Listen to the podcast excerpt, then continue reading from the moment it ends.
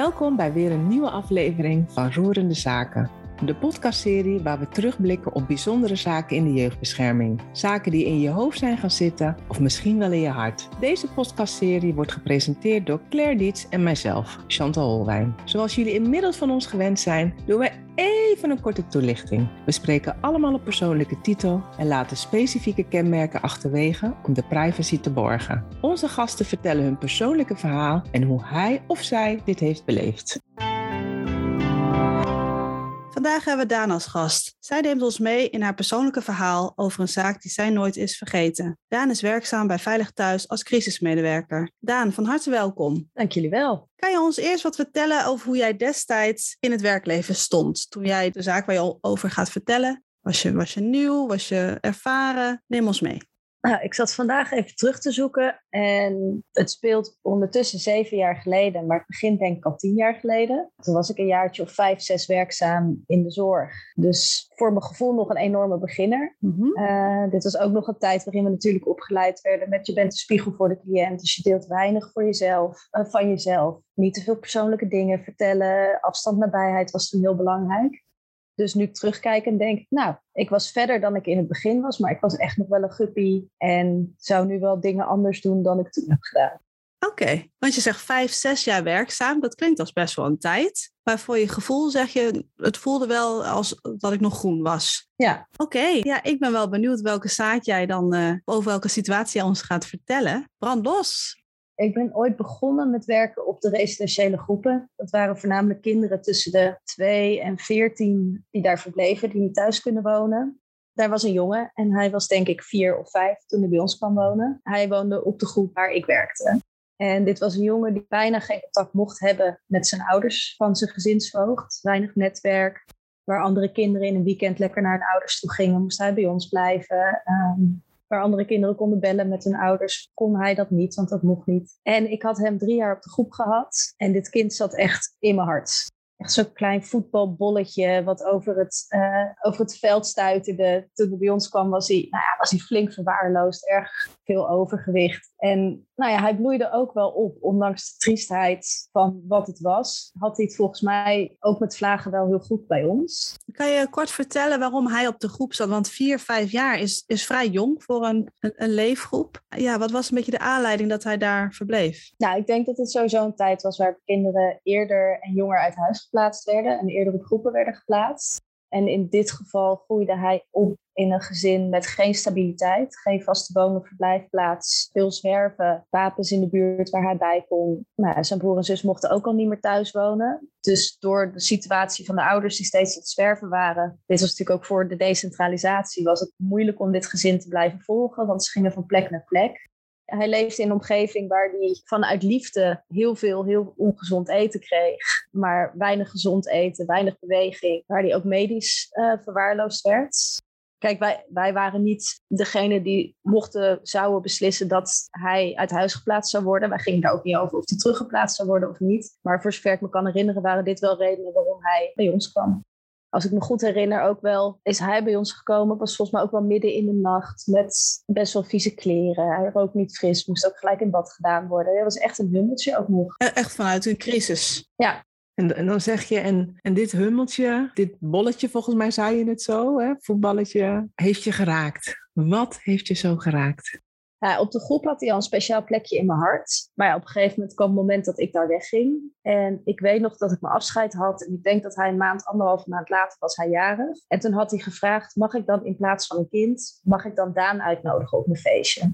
Want ze zouden gebolen en ze mochten altijd kinderen uitnodigen. Dus in plaats van een extra kind wilde hij mij hebben. En ja, hij, op de groep was hij altijd wel een beetje een knuffelbeertje. En met een grote bek. En, en weet je, hij vond afstand nabijheid heel moeilijk. Dus op het ene moment was hij heel boos. En dan kon hij weer helemaal in je kruipen. En we hadden natuurlijk een hele geschiedenis. Die drie jaar heb ik me best wel aan hem gehecht. En had hij zich aan mij gehecht. En het feit dat hij, toen ik wegging, uit zichzelf zei van... Ja, maar ik wil zo graag dat jij bij mijn feestje bent Kijk, ik, ik ben iemand, ik, wil, ik, ik, ik vind dat kinderen naar mij toe moeten komen. Ik, vind niet, ik, ik ben niet van je moet mij een knuffel geven of je moet mij leuk vinden. Dat, nee, dat hoeft niet. Helemaal niet als je niet bij je ouders kan wonen. Je woont in dat huis, ik kom in jouw leven. Maar je hoeft niks met mij aan te gaan als je dat niet wil. Dus ik heb daar vaak een afwachtende houding in. En het feit dat ik dat bij hem wel goed had gevoeld, dat dat toch dichterbij was dan ik had verwacht. Ja, dat, dat raakt me. Ik hield echt van dit joch. Nog steeds misschien wel een beetje.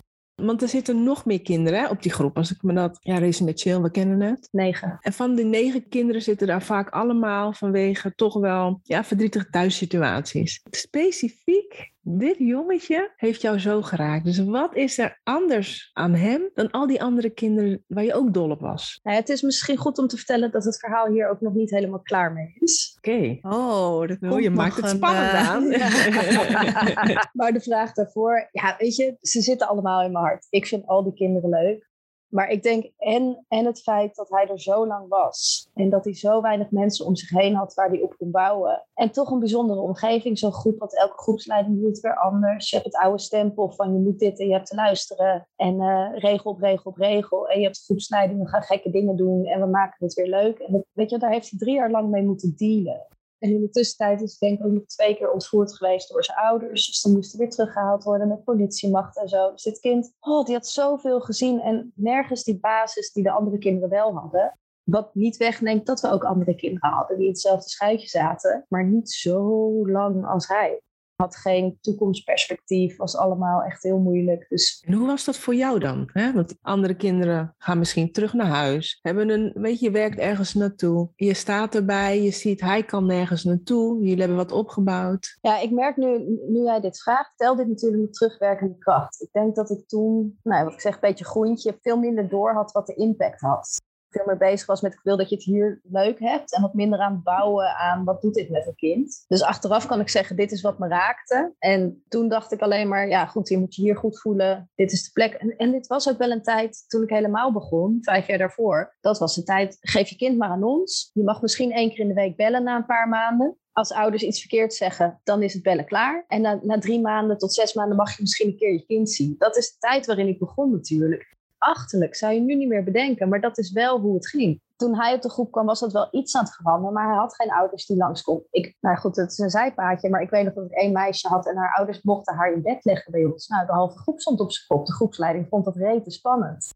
Het was echt andere tijden dan gelukkig, dan dat je nu zegt van nee, maar we willen dat juist. Dat was toen helemaal niet in vragen. En nu wordt het juist gestimuleerd, hè? Um... Ja. Toen werden ouders bij wijze van spreken geweerd op de groep. Zo hoor ik je een beetje zeggen. Ja, zeker. Nou ja, en dit was ook een vader die dan op een gegeven moment heel veel invallers. En dan belde die vader, meisje, ik kom hem nu ophalen. Ik heb mijn pistool mee, ik ben onderweg. En dan zei ik, ja, maar meneer, we kennen elkaar al heel lang. Oh, ben je geen invaller? Oh, hoe is het met je?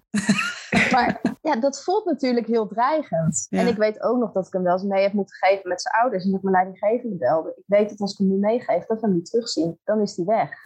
Maar ja, dit was wat de gezinsvoogd had besloten. Dus dit is wat ik moest doen. En de gezinsvoogd was die dag niet beschikbaar. Die komt nou niet op of zo, ik weet niet meer. En dat ik hem liet gaan met zijn tasje en wist ik ga hem niet meer zien. En twee maanden later werd hij weer door de politie aan teruggebracht. En wat, en wat gebeurt er dan met jou? Want je bent zo begaan met dit kind. En dit is roerende zaken, dus we kijken terug.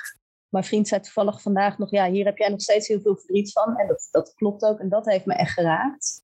Nadat ik weg was, heb ik aangegeven op de groep, ik zou het heel tof vinden om één keer in de zoveel tijd, één keer in de drie, vier weken, wat leuks met hem te gaan doen. Omdat ik op zijn feestje mocht komen. En ook, weet je wel, als hij dat leuk vindt, uh, dan kom ik langs en dan gaan we leuke dingen doen. Ik zat vandaag even terug te kijken, drie maanden geduurd voordat de gezinsvoogd daar fiat op heeft gegeven. Die kon niet bereikt worden, dat lukte allemaal niet. En toen heb ik een paar maanden lang, heb ik hem elke maand meegenomen. Gingen we eerst naar mijn stamkroeg, waar als ik naar de wc was, de jongens achter de bar met hem over voetbal gingen praten en ze zakken vol met chocola stopten. Het was, het was vaak muziek, dan stond hij met open mond van het plein naar buikdansers te kijken.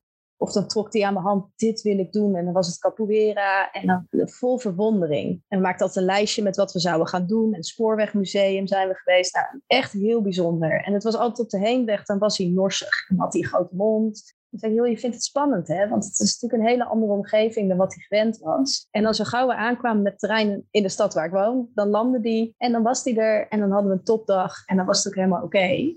En toen uiteindelijk is er een gezinshuisvorm gevonden. En toen heb ik gezegd, nou, ik wil wel weekendgezin worden. Want die gezinshuisouder duurde weer vier maanden. Die zei, oké, Daan mag wel hem zien. Maar je moet niet elke keer leuke dingen doen. Want dan wordt hij verwend of dat hoort er niet bij of zo. Ik zeg, oud stempel, dat was dit. Nou, uiteindelijk mocht ik na vier maanden langskomen, maar alleen met de gezinshuisouders zonder hem. Afgesproken dat ik hem dan toch één keer in de maand moet ophalen. Misschien mocht hij wel bij slapen, maar ja, ik had natuurlijk geen slaapkamer voor hem. Moest hij op een matrasje in de woonkamer, was ook dubieus. En toen werd hij ontvoerd door zijn ouders, een week later. Nee, ik denk een dag voordat ik hem eindelijk op mocht halen, had ik hem een half jaar denk ik niet gezien. Toen werd hij ontvoerd. Nou, het heeft tijd geduurd. Toen heb ik van de gezinshuisouder een berichtje gekregen dat hij terug was. En toen heb ik... maar, je, maar je gaat eigenlijk heel snel, hè, Daan? Oh sorry. Heel even, hè, want het heeft allemaal geduurd. Hè? Dus je, je bent eigenlijk nog meer de band met hem aan het opbouwen. Je ziet dat hij geniet. Ja. En wat doet het dan met jou? Dat je, want je vertelt het heel mooi, zo vol verwondering. Wat gebeurt er bij jou?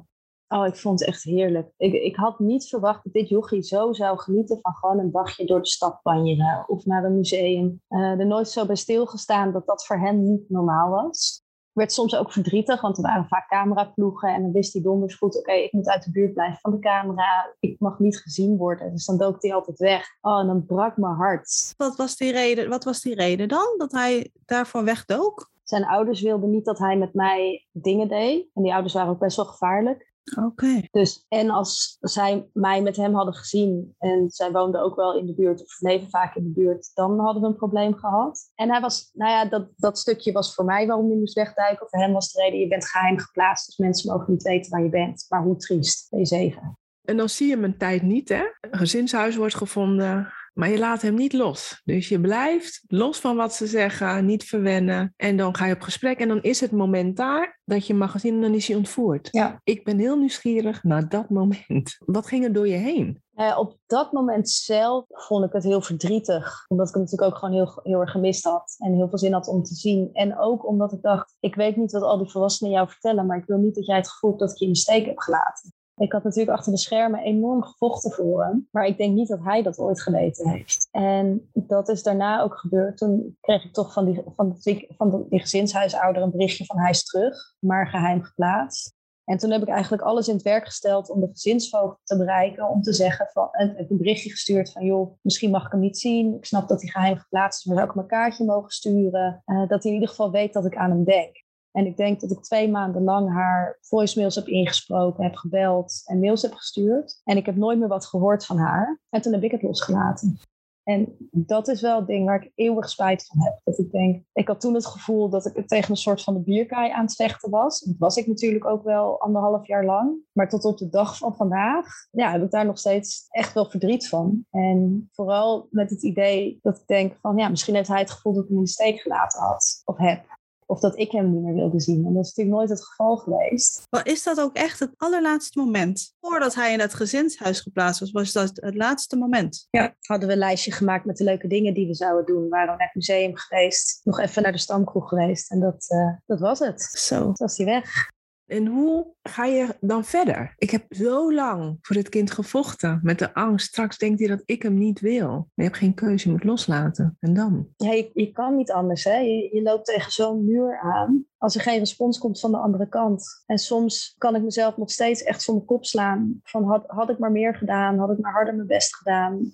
En aan de andere kant denk ik, ja, ik heb ook echt voor je gevochten. Maar leven met de gedachte dat hij misschien zou denken, en weet je, hij is nu, wat zal hij zijn, 16, 17. Misschien denkt hij niet eens meer aan me. Dat is ook helemaal prima, hè. En uh, misschien had hij ook op een gegeven moment gezegd, joh Daan, ik heb hier echt helemaal geen zin meer in.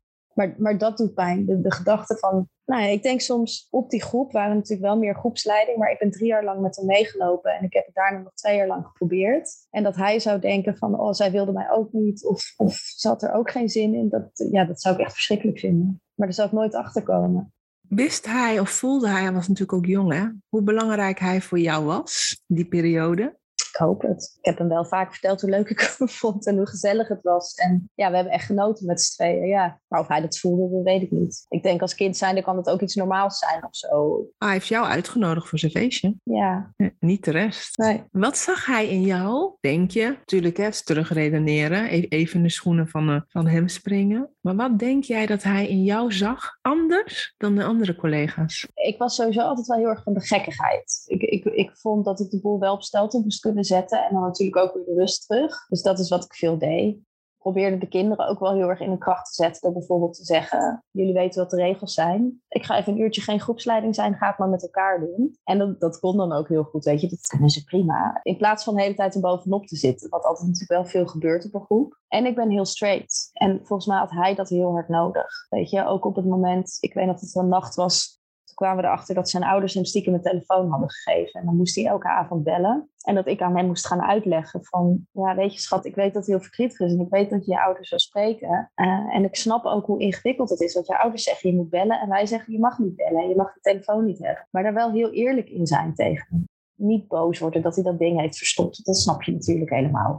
Dat zou ik ook doen. Nou, dus aan de ene kant heel straight kunnen zijn, maar ook heel erg knuffelen, gek doen. En hem zijn autonomie geven of zo. Ja, ik weet niet, het klinkt misschien een beetje gek, maar dat, dat is wel wat ik met alle kinderen altijd probeerde, voor zover dat kon als ik nu zo terugdenk, want het is natuurlijk lang geleden, zei hij dat, ja, dat is Daan, die is een beetje gek. En dat was ook oké dat dat gezegd werd. ja. En uh, Daan, jij begon in het begin ook wel, of je zei in het begin van, nou, dat was toen nog op de groep, dat was toen nog heel duidelijk, hè, geen contact of uh, dat kinderen heel jong werden geplaatst. Je hebt het heel erg over toen. Ik hoor jou ook hele duidelijke dingen zeggen over hoe een gezinsvoogd daarin heeft gehandeld. Zeg maar als je iemand wat mee wil geven, hè, professionals die daar nu in staan, zowel op een leefgroep werken als uh, gezinsvoogd zijn, of in dit geval nu jeugdbeschermer zijn. Wat zou jij dan mee willen geven? Ja, ik laat, las laatst op LinkedIn, en dat vond ik wel een hele typische van, uh, heet hij nou Jan-Pieter Meijer? Meijer. Meijer. Kennen we allemaal, hè? Ja, daarom. Ik besteed onze achternaam even denken. Die had een training gegeven en toen had een van die vrouwen die op de groep werkte gezegd: Het is altijd makkelijker als er geen ouders zijn. En dat ze daarna besefte: Oh, het is heel gek wat ik nu zeg. En ik denk in ieder geval residentieel, op het moment dat je vanuit repressie gaat werken en vanuit macht, dan ben je verkeerd bezig. En op het moment dat je denkt dat elk kind dezelfde regels nodig heeft, ben je ook verkeerd bezig. En dat zeg ik wetende dat ik dat ook jaren heb gedaan dat ding wat ik zei van, van ik liet die kinderen dan één of twee uur lang groepsleiding zijn. Of niet groepsleiding zijn, maar gewoon vertrouwen geven. Jullie weten heus hoe het hier werkt. Ga ervoor. Dat kwam pas tegen het einde van mijn carrière, of van mijn groepscarrière. Toen ik daar ook een studie in deed. En dat werkte. En daarvan dacht ik, oh, had ik dit zes jaar geleden maar geweten. Maar het is ook ingewikkeld, weet je. Meest, je bent 21, 22. Mijn, mijn stagiair zei dat laatst. Ik ben 22, sta op een groep negen kinderen op te voeden. Ik ben zelf nog een kind. En die is ermee gestopt omdat ze het onverantwoordelijk vond. Maar ik snap ook als je jong bent en je, je wordt op zo'n groep neergezet. En die kinderen gaan allemaal helemaal los. Dan kan je ook bijna niet anders dan vanuit repressie gaan werken. Omdat je nog niet de tools hebt. En sommige mensen zullen het hebben hoor. Maar om een kind goed aan te spreken. Ik heb ook gehad dat ik er negen tegen me had. Ik had geen idee meer wat ik moest doen.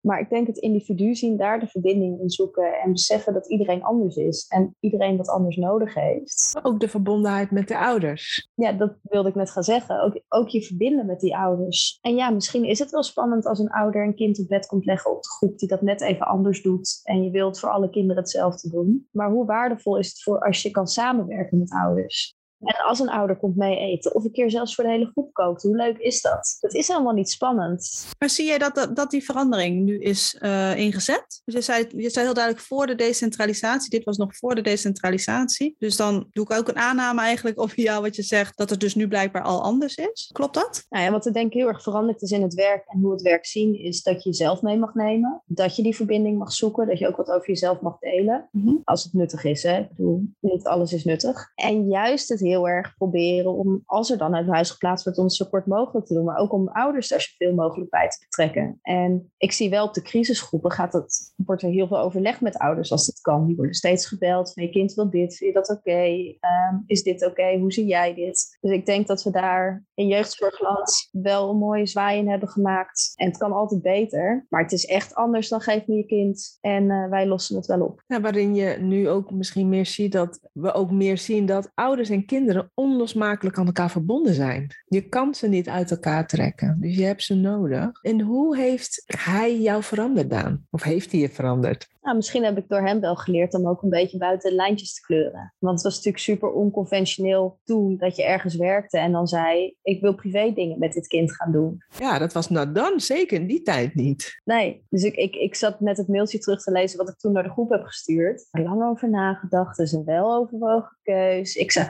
Als hij dat wil, zou ik dat ook graag willen dat was echt not done in die tijd. Dat vonden mensen echt heel gek. En ook zo'n gezinshuis wat dan zegt... ja, maar je kan niet alleen maar leuke dingen met hem doen. Ik bedoel, dan moet hij ook gewoon bij je slapen... en dan moet hij ook gewoon mee... Nee, als het één dag was, mocht ik geen leuke dingen doen. En als hij bleef slapen, dan mochten we het allemaal zelf weten, geloof ik. Ja, ik heb echt zo'n zo'n afwijking dat cliënten wel echt heel snel rechtstreeks mijn hart ingaan. Maar dat dat ook oké is. Is dat een afwijking? Nou ja, ja, mensen gaan wel recht mijn hart in.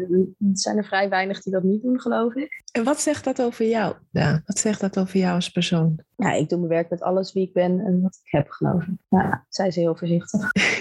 zij ze heel voorzichtig. En als je het iets harder mag zeggen? Het belangrijkste vind ik verbinding met mensen maken en zoeken waar je die verbinding kan hebben. En ik denk in de heftigheid van het werk is dat soms heel ingewikkeld. Helemaal nu, hè, crisisteam, ik kom een crisis binnen. En dan toch even stil kunnen staan met iemand en kijken waar je verbinding kan vinden. Ook al zijn mensen soms heel boos of moet ik soms hele vervelende boodschappen brengen. Dat is voor mij wel het belangrijkste wat er is. En het lukt niet altijd. En jij hebt op een gegeven moment de switch gemaakt van uh, op de leefgroep werken naar crisismedewerker bij Veilig Thuis. Er zaten nog wat banen tussen, maar ja. Oh, oké, ja. uh, jij bent nu uh, crisismedewerker. Ja. Uh, jij zegt, ik heb heel erg geleerd om mezelf ook nou, weer meer als persoon neer te zetten, meer die verbinding te leggen. Hoe doe je dat in je huidige werk? Want crisis is vaak snel en kortdurend, toch? Chantal en ik hadden het er wel eens, hebben het er wel eens over. En we hadden laatst ook een training van hoe, hoe doe je crisis. En toen hadden we het erover. Binnen het crisisteam mag je binnenkomen. En in plaats van we gaan nu acuut veiligheid herstellen, zeggen: Kom, we gaan eerst even op de bank zitten. Pak even een bakje thee. Wat is er nou aan de hand? En daar creëer je natuurlijk enorm veel rust mee, ook al is de crisissituatie. Kijk, het komt bijna nooit voor dat je binnenkomt en zegt: Ik moet nu iedereen meenemen en het is klaar. Je hebt heel vaak wel de ruimte om dat te doen. Dus daar beginnen. En je hebt ook de ruimte om zoveel als nodig is te komen en zo kort als nodig is er te zijn. Maar je, je komt in crisis. Mensen zijn kwetsbaar, willen graag verandering. Dus even op die stopknop drukken en gewoon gaan zitten en vertel jij je verhaal nou gewoon eens. Ja, dat zorgt voor rust in crisis of zo. Ja, zo bewaar je het wel. En zo leg je ook die verbinding, ook in, de crisis, ook in crisis. Ja, zeker. En hoe doe jij dat dan, om die, om die pauze toch in te lassen in zo'n crisis? Nou, wat ik zeg, binnenkomen. Ik zeg, goh, leuke tuin, lieve kat, kom, we gaan even zitten. Ja, ik bedoel, meer voel jij, hoe voel jij die rust? Hoe creëer je die rust voor jezelf om dit ook te kunnen? Oh, goede vraag. Ik weet niet zo goed. Kijk, crisis is de core business, dus je krijgt geen persoonlijke crisis op het moment dat het crisis is. Dat scheelt denk ik een hoop. Ik weet op mijn vorige werk bij het buurteam, als ik zei ik heb crisis, dan werd dat heel erg geassocieerd met een persoonlijke crisis. Dus het was bijna het verboden woord. Je mocht niet het woord crisis noemen, want dan raakten mensen in paniek. En hier is het je core business, dus ja, ik vind het gewoon heel belangrijk om mensen te zien. Niet situaties, maar mensen. En je kan van alles gedaan hebben, maar jij bent mens. En je doet dingen intentioneel of in, onintentioneel. En iedereen, ik ga ervan uit dat bijna iedereen het beste wil, maar het misschien niet altijd lukt. En dat stukje raken bij mensen, dat zorgt volgens mij ook voor verbinding en rust. Om gewoon ook even te mogen zeggen van jeetje, wat is ingewikkeld. Mhm. En ik zie dat je zo hard je best doet. En je, het is nu niet goed gelopen, maar dat maakt je geen slechter mens. Want dat is denk ik wat mensen ook voelen als wij binnenkomen. Hè? Oh, veilig thuis komt, neemt kinderen mee. Of uh, ik doe het niet goed. Of daar is een oordeel. Dus oordeelloos daar mogen zitten, zorgt er ook voor dat je rust krijgt in de situatie, denk ik. En dat oordeelloos, hè? Als je teruggaat naar dit jongetje die je zo in je hart hebt gesloten. En die ouders. Want ik hoorde je zeggen dat die vader die kon was opbellen. Mm En uh, een soort van bedreigend. En uiteindelijk zei hij, oh, hoe gaat het met je? Hoe keek jij naar die ouders? Ja, dat vind ik wel ingewikkeld. Ik, ik ben ervan overtuigd dat deze ouders met hun achtergrond, met wie ze waren, met wat ze hadden meegemaakt, echt het beste wilden voor hun kind. En daar ook echt heel erg hun best voor deden. Maar ja, zo lelijk om te zeggen, maar misschien nooit de tools hebben gekregen om het ouderschap aan te kunnen. En oh, ik vind het echt heel erg dat ik dit ga zeggen, maar ik heb, ik heb heel veel kinderen op de groep gehad waarvan ik nu denk, die hadden nooit uit huis geplaatst hoeven worden. En bij hem denk ik altijd van, aan de ene kant heb ik altijd het gevoel gehad, hij had nooit thuis veilig kunnen opgroeien. En aan de andere kant heeft hij vanaf zijn derde op allemaal groepen gezeten en in, in gezinnen. En popte die ouders toch weer op en namen hem toch weer mee. Achteraf gezien weet ik ook niet waar ze goed aan hadden gedaan. Omdat ik denk, hij was bij zijn ouders niet veilig. Hoeveel veiligheid hebben wij hem ook kunnen brengen? Ik denk ook niet heel veel. Je zei van in het begin, deze ouders hielden veel van hem en uit liefde gaven ze hem ook de verkeerde dingen te eten. Ja, als ze dan op bezoek mochten komen, namen ze hele zakken McDonald's mee. En dan, dan kreeg hij zoveel te eten dat hij moest overgeven daarna. Maar dat was natuurlijk de manier waarop zijn ouders hem liefde lieten zien. En hij kon die liefde alleen maar accepteren door veel te veel te eten.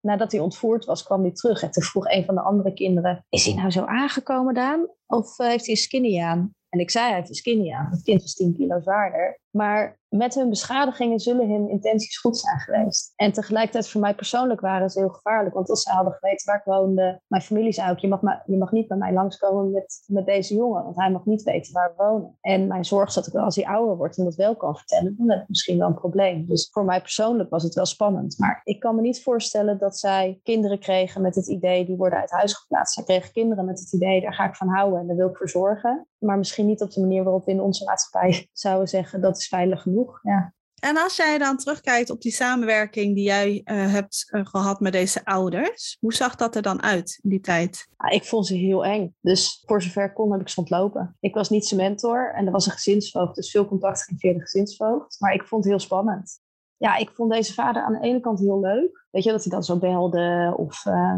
dat ik hem aan de telefoon had die, die keer dat ik hem meegaf en wist dat hij niet terug zou komen. Dat ik zei, je brengt hem wel terug hè. Zondag is hij terug. Ja, tuurlijk Daan, tuurlijk is hij zondag terug. Terwijl we allebei wisten, die is zondag niet terug.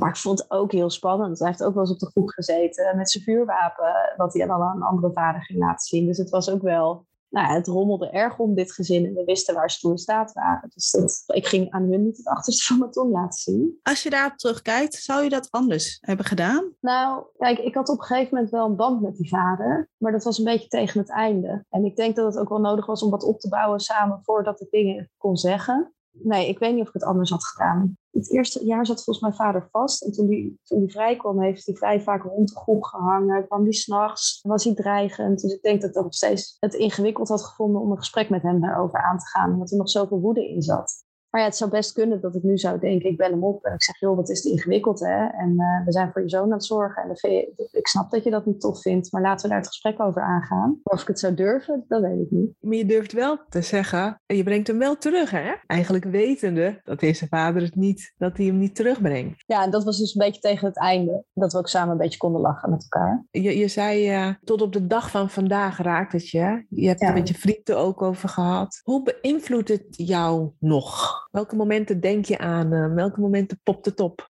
Oh, dat kan van alles zijn. Als ik uit werk loop, dat ik opeens denk, dan zie ik ook zo de organisatie van de gezinsvoogd zo tegenover me. En dan denk ik, oh ja, hoe zou het met hem zijn? Waar zou die zijn?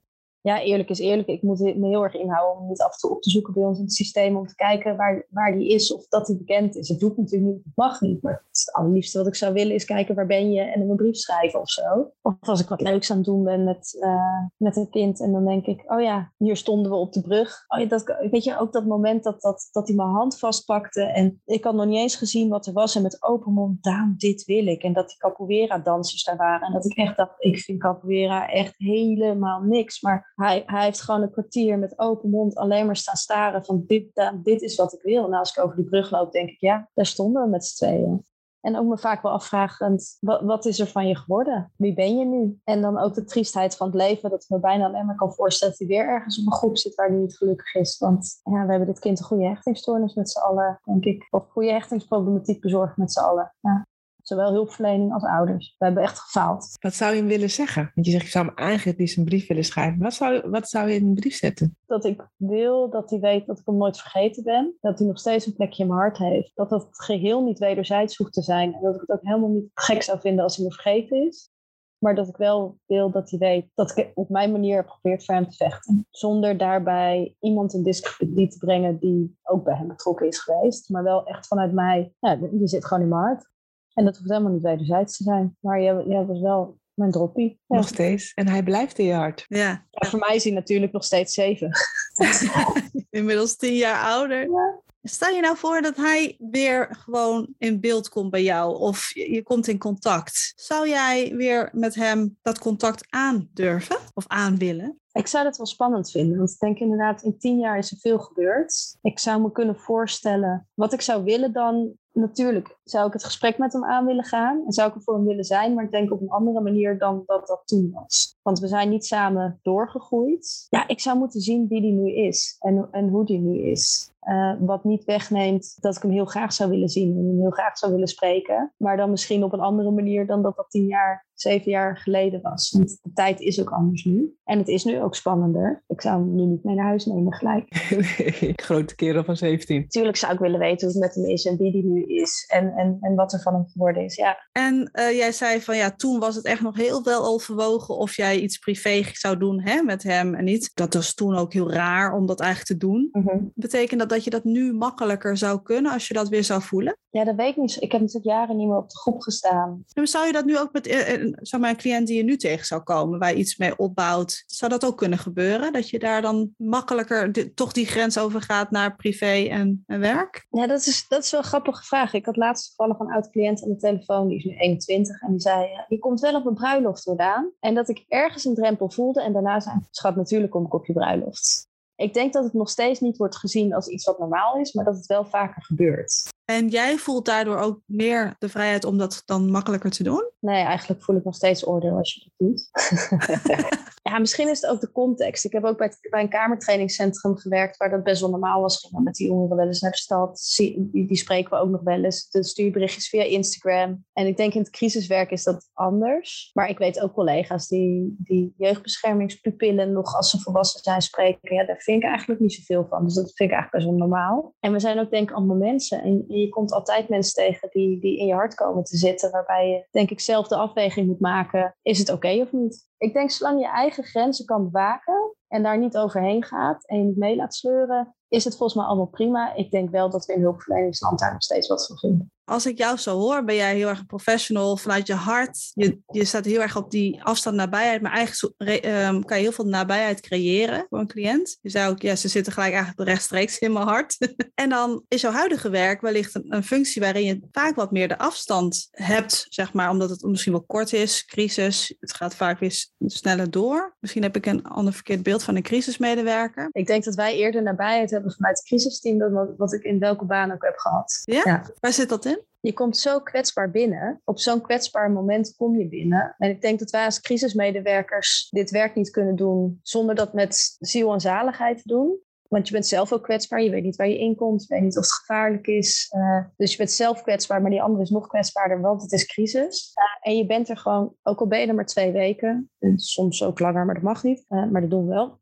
maar je bent er ook intensiever natuurlijk dan op enig ander moment als ik een begeleiding bij het buurteam had, wat één keer in de week, één keer in de twee weken, één keer in de maand was, is echt anders dan drie keer per week bij jou op de bank zitten. Dus je bouwt heel snel wat met iemand op. En we horen ook wel vaak terug als uh, mensen, kijk, wij moeten na twee weken overdragen en hebben overgedragen. En dan vinden mensen dat vaak heel ingewikkeld, omdat ze dan wel in een stramien terechtkomen waar meer regels zijn, waar ze minder zien, waar mensen meer afstand houden, terwijl wij er helemaal in zijn gedoken juist in de crisis kom je volgens mij dichtst bij mensen. En dicht bij jezelf. Want je moet ook die kwetsbaarheid van jezelf steeds daarin meenemen. En ook afschermen, want hoe lukt jou dat dan? Nou, het voordeel is ook dat je natuurlijk heel veel mensen ziet door de jaren heen, omdat je maar twee weken hebt. Dus dat zorgt er ook voor dat je weer door kan sommige crisissen waar ik ben geweest, die zal ik nooit vergeten. En heel eerlijk, heel veel wel, omdat je toch weer doorgaat. En ik heb vijf gezinnen, volwassenen, vijf ja, zaken, vind ik zo'n stom woord. Ik probeer er vanaf te blijven, maar ik weet even niet hoe ik het anders moet doen.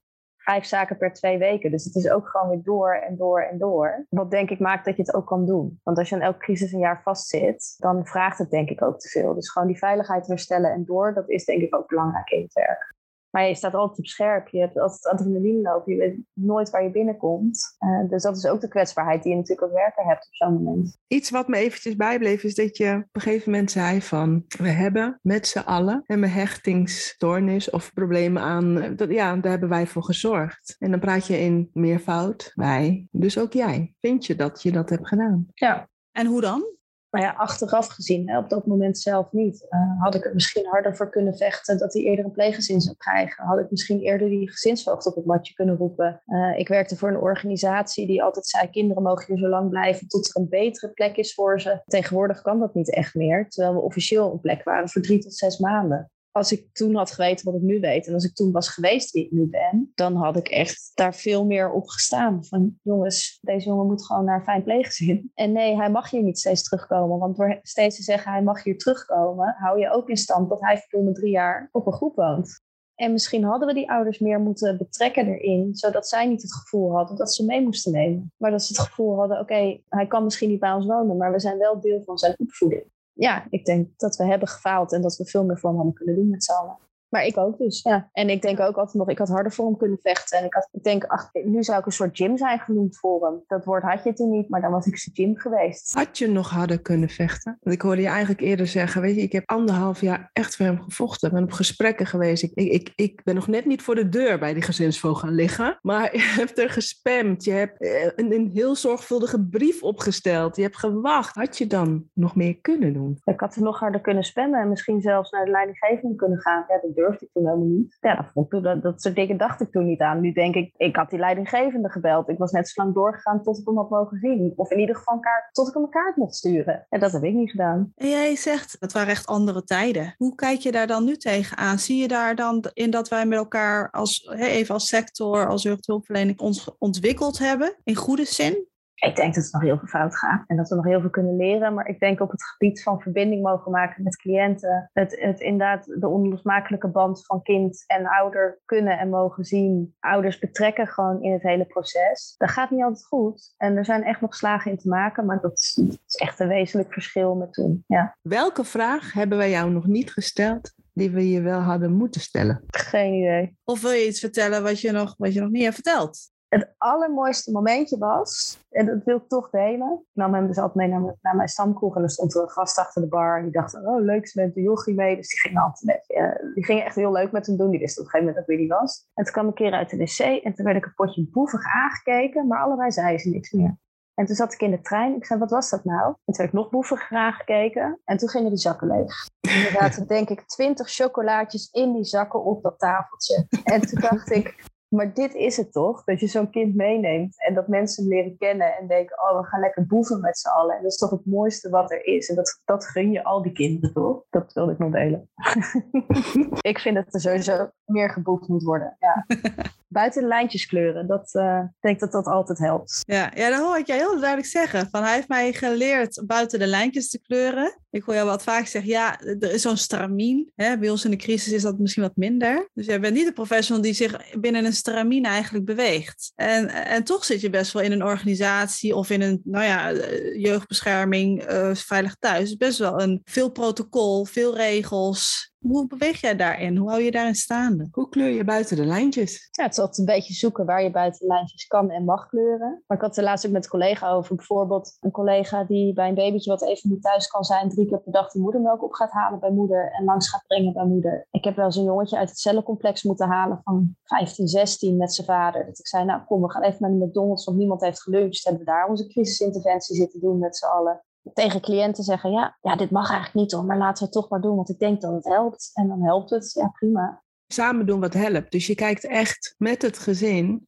wat hebben zij nodig? Ja, en waar dat kan en mag, kijk je nog niet. Ik denk, heel veel regeltjes die zijn er niet voor niks. Maar heel veel regeltjes, denk ik, zijn misschien niet helemaal zoals ik ze zou stellen. En misschien moet je daarin dan zoeken, waar kan ik die maas in net vinden? Waar kan ik doen wat helpt in plaats van wat mag? Daar hou ik altijd van hulpverleners die dat ook doen.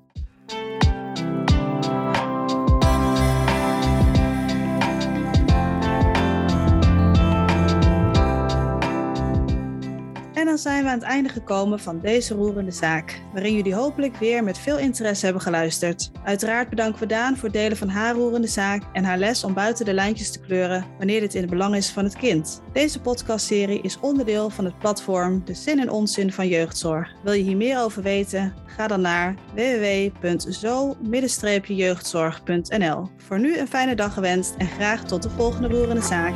Daan, bedankt. Dankjewel, Daan. Tot de volgende. Tot de volgende keer.